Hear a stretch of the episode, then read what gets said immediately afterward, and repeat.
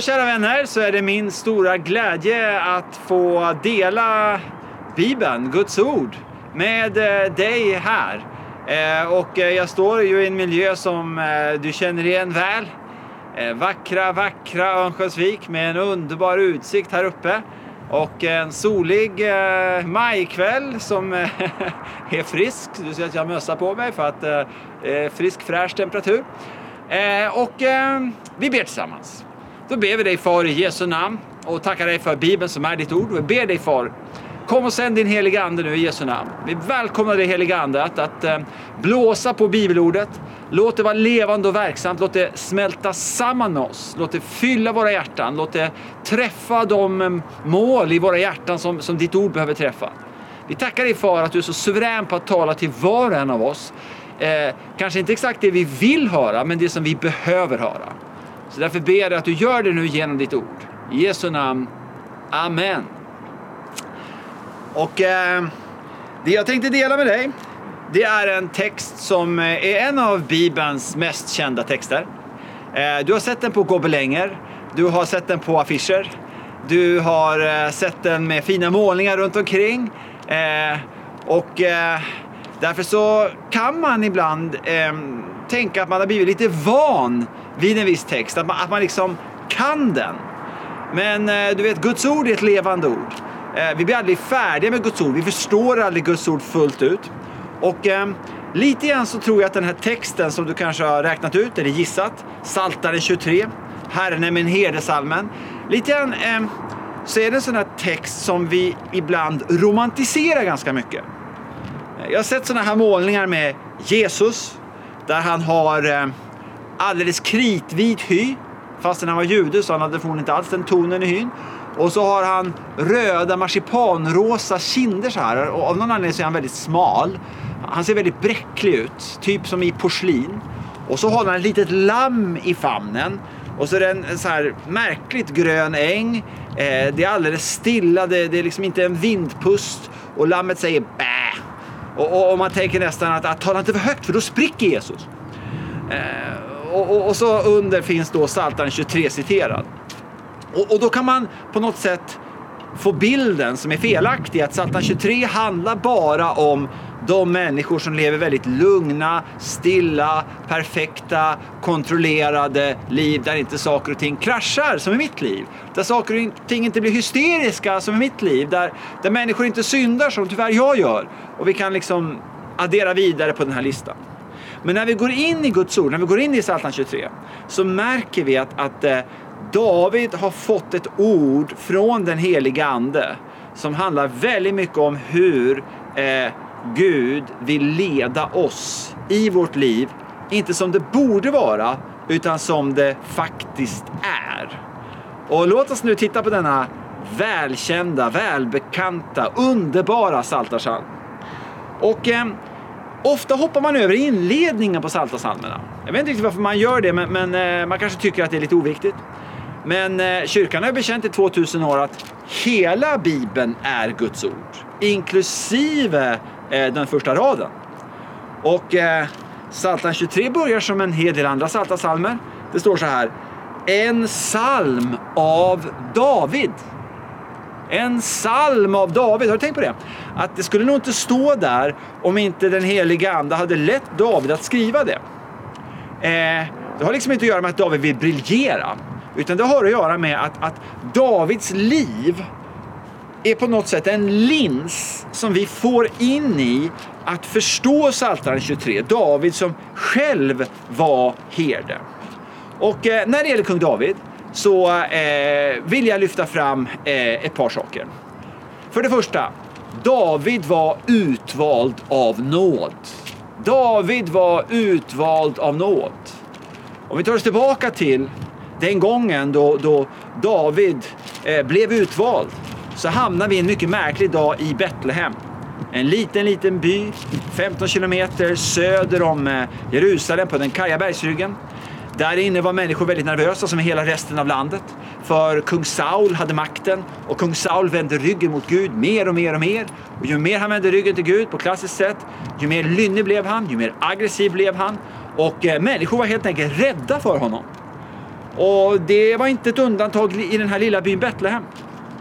Och profeten Samuel nu, eh, den gudsman som har störst förtroende hos alla i hela landet. Han som verkligen vandrar med Herren.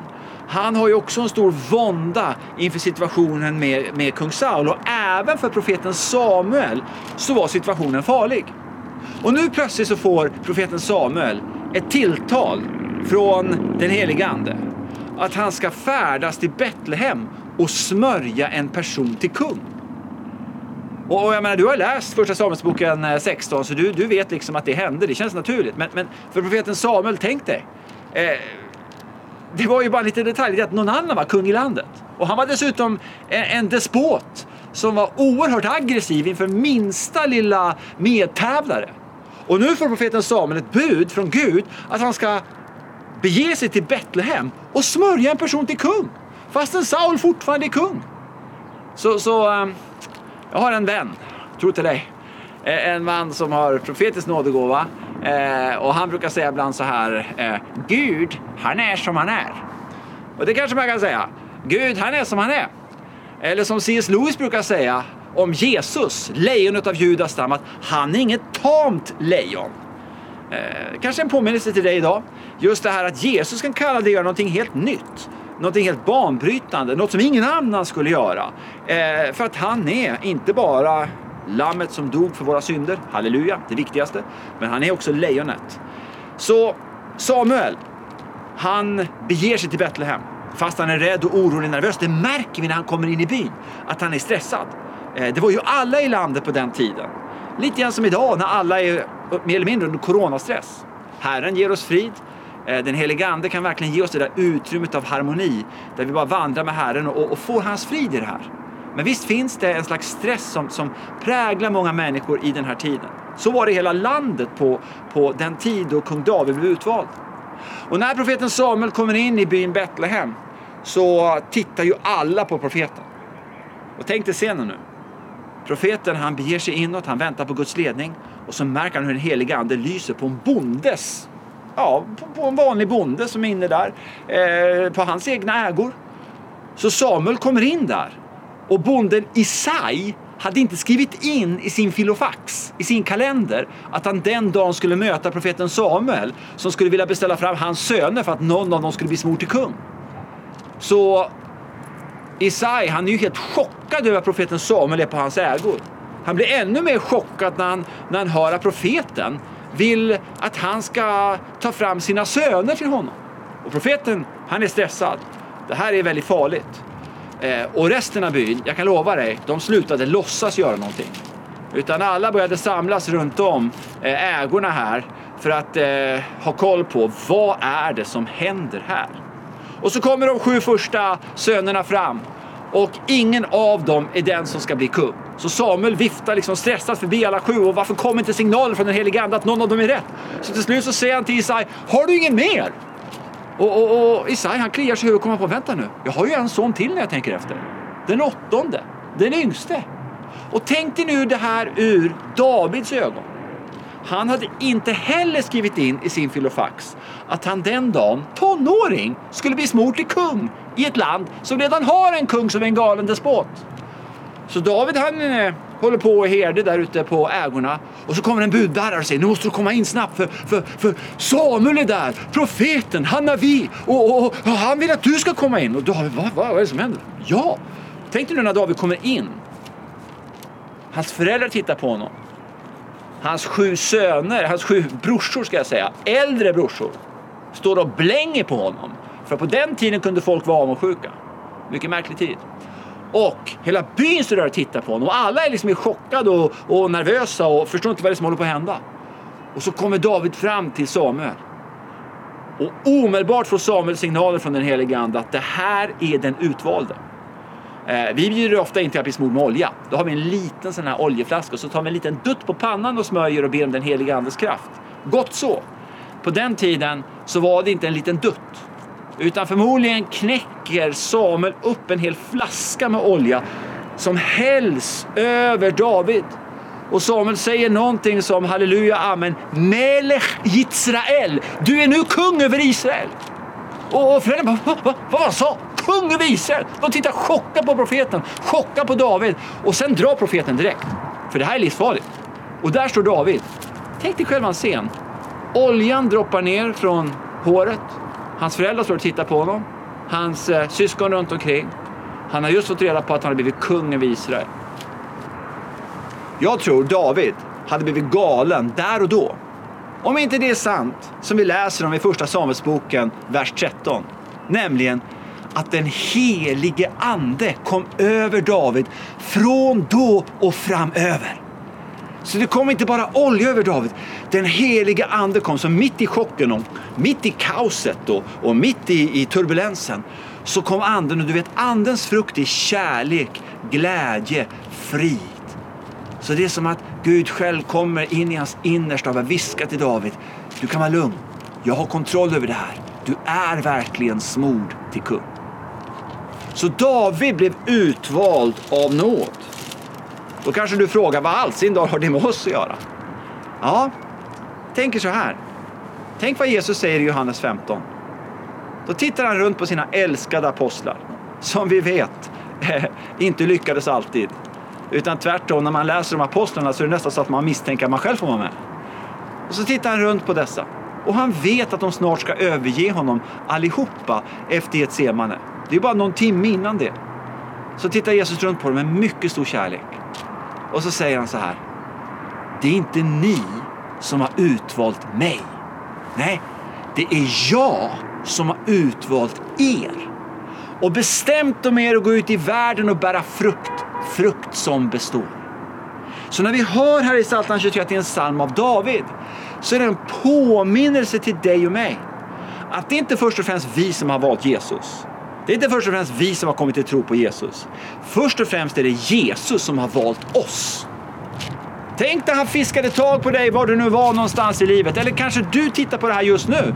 Där han fiskar tag på dig just nu och bara ramlar in i ditt liv. Och du hade inte tänkt att Jesus skulle komma in i ditt liv. Och du kanske inte känner dig religiös. Och det är massvis i ditt liv som inte är i ordning. Men så bara kommer Jesus till dig och säger, det är inte du som har valt mig, men jag har valt dig. Så tacka ja till mig nu. För jag är din frälsare. Jag har dött för din synd. Jag har uppstått från de döda. Om du är kristen så är det det du har tackat ja till. Det är Jesus som har valt dig och du har sagt ja och halleluja för det. Det är underbart att gå in i livet och tänka varje dag. Det är inte jag först och främst som har valt Jesus, det är han som har valt mig. Och då har han också en plan för ditt liv. Jag tror jag vill uppmuntra dig med det idag, att han har en plan för ditt liv. Och så fortsätter vi läsa. Herren är min herde. Roi på hebreiska. Min herde. Och jag älskar att eh, David lägger till den där i-ändelsen på hebreiska. Han säger inte bara att Herren är en herde, utan han säger att Herren är min herde. Vet du, det tar mig tillbaka till Astrid Lindgren. Du kan väl din Astrid Lindgren, eller hur? Emil och Alfred, midsommarnatten, på väg ner för att fiska kräftor i sjön. Och, och, och de behöver inte säga mycket. Det enda de säger är du och jag Alfred, du och jag Emil. På samma sätt, fast ännu starkare, så tror jag Jesus genom orden min herde vill påminna dig om att Jesus, han säger till dig, du och jag, så säger han ditt namn, du och jag. Och du får en inbjudan att säga tillbaka till honom, du och jag. Som det mest naturliga i världen. Så det är helt okej okay att säga min Jesus. Det är helt okej okay att säga älskade Jesus. Du kan kalla dig som Johannes, lärjungen som Jesus älskade. Han älskar alla andra, men, men, du får en personlig inbjudan. Och du kanske skulle må väldigt bra i ditt liv av att idag bara gensvara till Jesus personligen och säga du är min herde. Du är min herde Jesus. Och så det här med herde. Eh, en herde.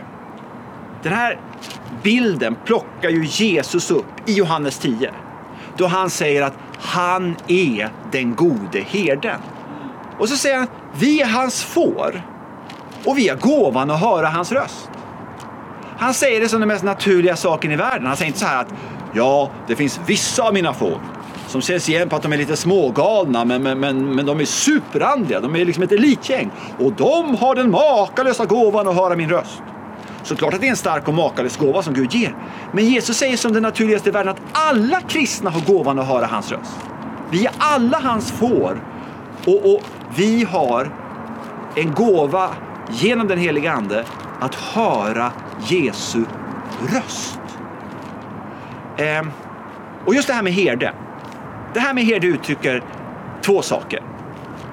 För det första så uttrycker herde, det vi har varit inne på redan innan, att du är älskad. Jesus är din herde. Han bryr sig om dig. Han vill leda dig. Du vet, när en herde vill känna sig rik, då tänker han inte på guldtackor för att vara lite vitsig. Nej, då tittar han på sina får. Då känner han sig rik. Eller som en förälder. Ni föräldrar finns väl där ute. När ni vill känna er rika, inte tror att ni först och främst tittar på bankkontot. Även om det kan vara kul om det finns två eller tre kronor där. Nej, jag tror att ni först och främst tittar på dem ni älskar. Ni tittar på era barn. Då känner ni er rika. Så det är som att Jesus vill att du ska se med hans ögon just nu. Han är din herde. När han vill känna sig rik, då ser han på dig. För att han älskar dig så mycket djupare än du kan ana eller förstå. Så nummer ett. Han är din herde. Det talar väldigt starkt om Faderns, Sonens och den helige Andes personliga, djupgående kärlek till dig. Men det här med herde handlar också om en sak till.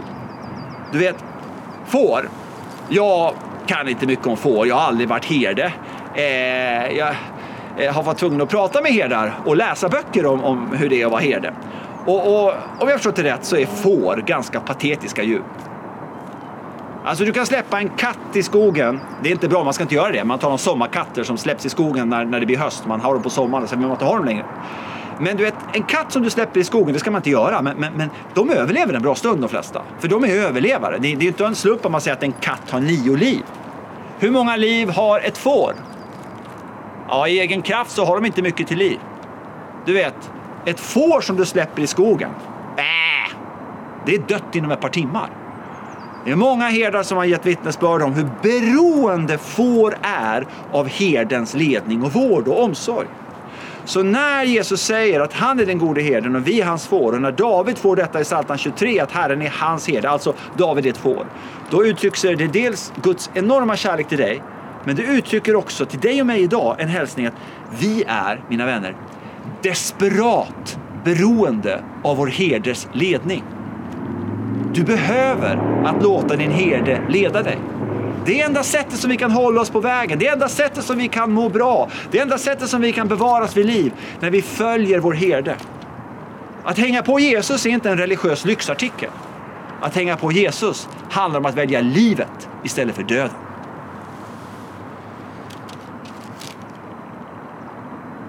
Vers 2. Han låter mig vila på gröna ängar. Han för mig till vatten där jag finner ro. Han ger liv åt min själ. Han leder mig på rätta vägar för sitt namns skull. Och, och, eh, det här var märkligt nog inte på svenska från början. Jag kan inte förstå det, men så var det. Utan det var på hebreiska. Och jag har pirrat en del med den hebreiska texten för jag tycker sånt är lite kul. Och, och på hebreiska, om man översätter direkt, så står där faktiskt ännu liksom ett steg till. Det översätts ju här, han låter mig vila och jag gillar folkbibeln och jag tycker de översätter bra. Men, men egentligen står det på hebreiska, han lägger ner mig på de gröna ängarna. Han lägger ner mig på de gröna ängarna. Han för mig till vatten där jag finner ro. Och när jag talar med herdar så har jag förstått att fåret, som jag redan sagt, beroende, svagt djur, behöver herden desperat. Eh, får har väldigt svårt att komma till ro. Eh, till exempel tycker får inte om ljudet av rinnande vatten. Så om en herde ska få fåren att komma till ro så måste han hitta ett, ett stilla vatten där, där, där, vattnet flyter väldigt, väldigt stilla. Till och med dika upp vattnet lite grann. Så att det liksom inte brusar för mycket för då, då blir fåret jätteoroligt och nervöst. Och det här att läggas ner på de gröna ängarna.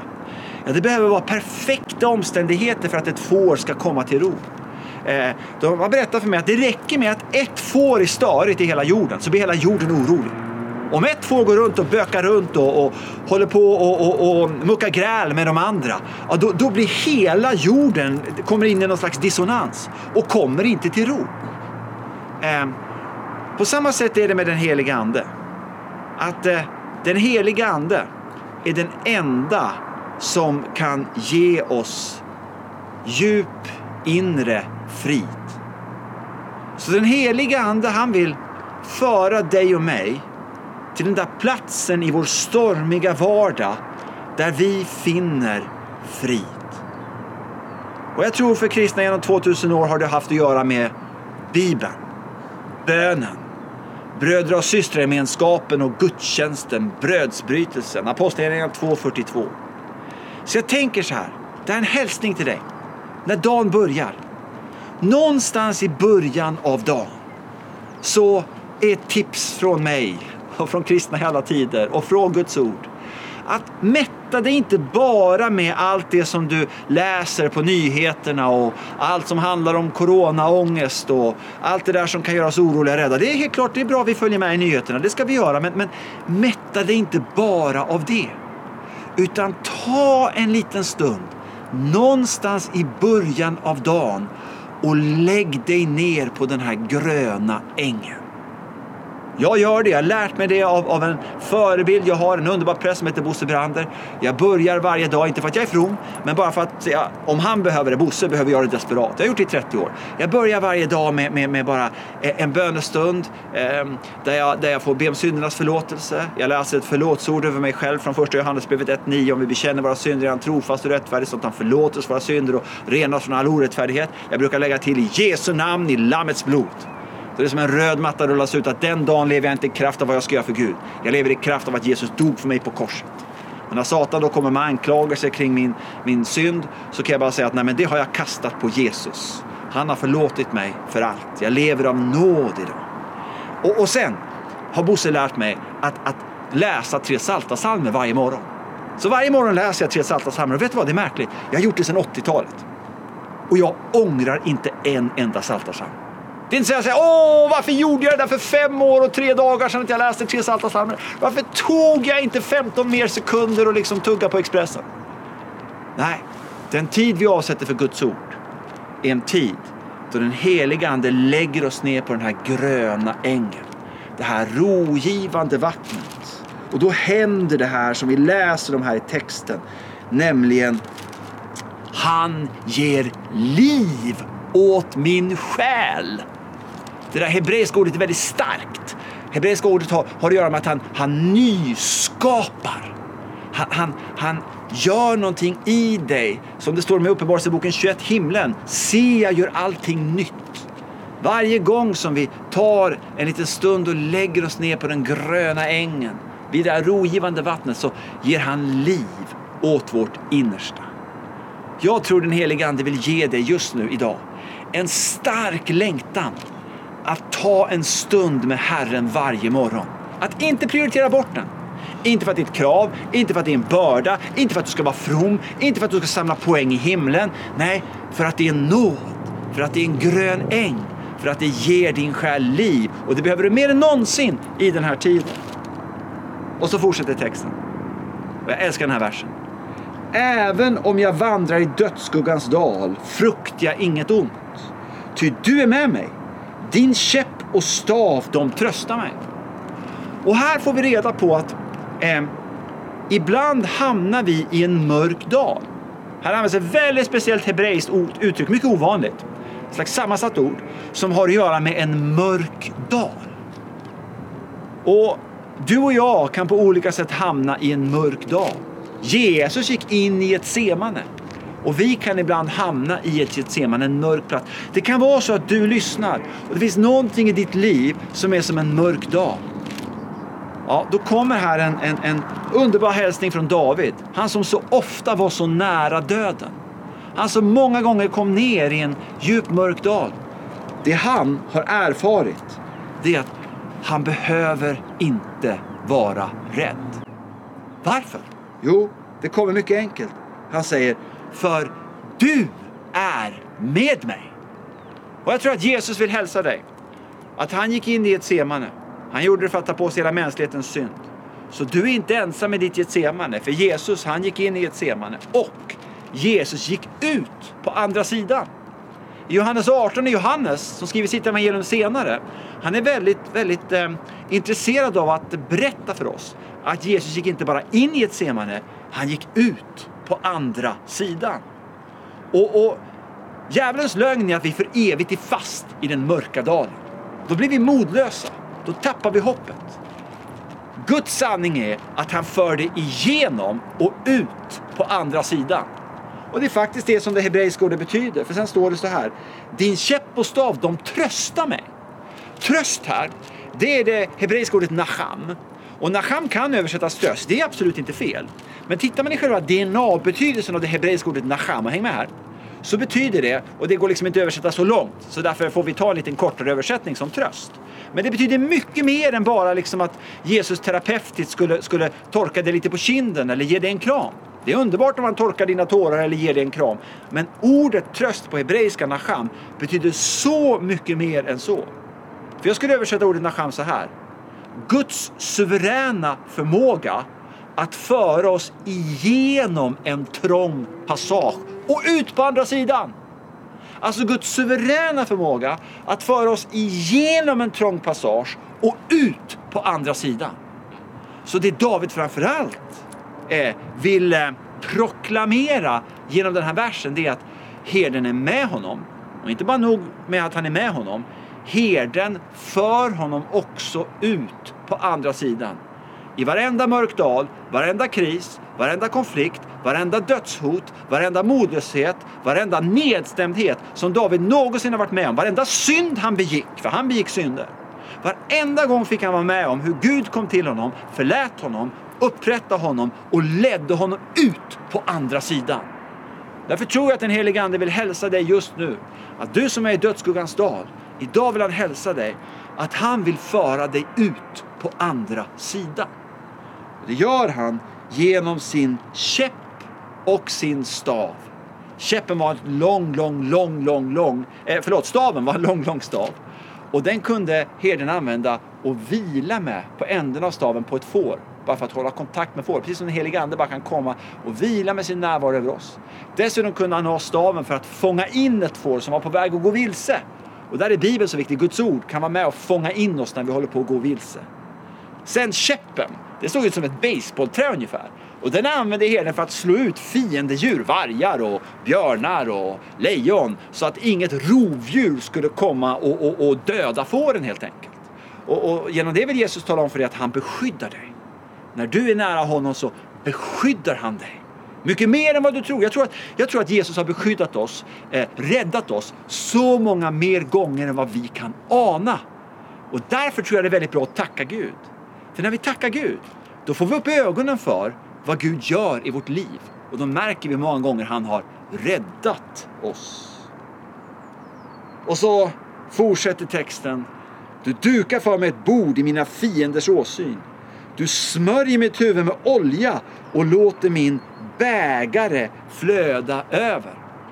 Och, och där lyfter herdar upp att ofta kallas sommarbetet för solchan på hebreiska, bordet.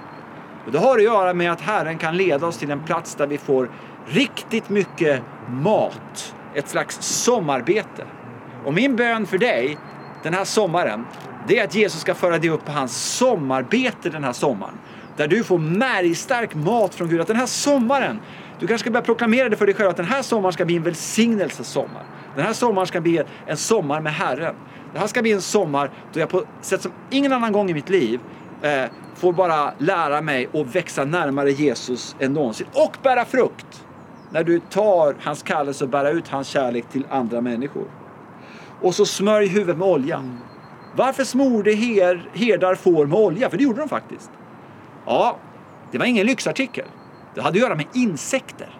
Insekter som höll på att äta in. De kunde till och med ätas in i huvudet på ett får. Och därför smorde de fårens huvud med olja som ett beskydd. Och vi har kanske inga insekter som håller på att ätas in i vår hjärna. Det, det låter ganska obehagligt. Men tankar, oro, bekymmer, frestelser. Om vi låter dem bygga fågelbo på våra huvuden så börjar de liksom äta sig in och djävulens lögn det är att vi bara måste ta emot det där. Vi bara måste bli präglade av det där. Det bara måste landa i oss och det där bara måste trycka ner oss i, i smutsen i diket. Men Jesus sanning är att han varje dag vill komma med sin olja som får regna ner över oss och som trycker undan alla de här ofridstankarna, alla smutstankarna så de får liksom bara rinna av och så får vi gå nära Jesus i hans frid. Och allra sist, den sista versen här nu, precis när jag säger amen. Den tycker jag är en stilpoäng. Jag ska bara kommentera ett hebreiskt ord där. Den sista versen står så här. Ja, godhet och nåd ska följa mig i alla mina livsdagar och jag ska bo i Herrens hus för alltid. För alltid! Ja, vi kan börja med evighetshoppet. Att, att, David visste att han var på väg hem till Gud. Han var på väg hem till himlen. Vackra Örnsköldsvik, det är som en liten bild av, av, av eh, något oerhört vackert. Tänk att himlen kommer att vara ännu vackrare. En gång, om vi bara håller fast i Jesu hand, av nåd, tack vare Jesu blod, kommer vi att titta ut över, över paradisets oändliga värld. Där vi får leva med vår Herre i evighet. Det är ett makalöst hopp. Men det jag bara ville kommentera när jag säger amen också, det är att det står så här. David skriver, det är lite humor det här, det är lite helig humor. Ja, godhet och nåd ska följa mig i alla mina livsdagar. Vet du vad det står på hebreiska där?